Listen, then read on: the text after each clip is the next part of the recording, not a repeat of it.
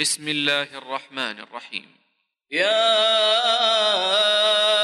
أيها المزمل قم الليل إلا قليلا. نصفه أو انقص منه قليلا أو زد عليه ورتل القرآن ترتيلا.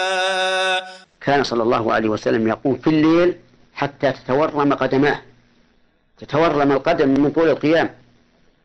وفي ليلة من الليالي قام معه حذيفة بن اليمان رضي الله عنه فشرع النبي صلى الله عليه وسلم يقرأ في البقرة فقال حذيفة يمضي إلى مئة آية فوصل مئة آية واستمر إلى آخر البقرة إلى سورة النساء كاملة إلى آل عمران كاملة ثلاث سور قدرها خمسة أجزاء وربع جزء في وقفة واحدة هذا في العبادة ولكنه صلى الله عليه وسلم كان يراعي الأفضل فالأفضل وربما ترك الفاضل إلى المفضول لما يترتب عليه من المنفعة والمصلحة. ها هو حث على اتباع الجنائز مثلا.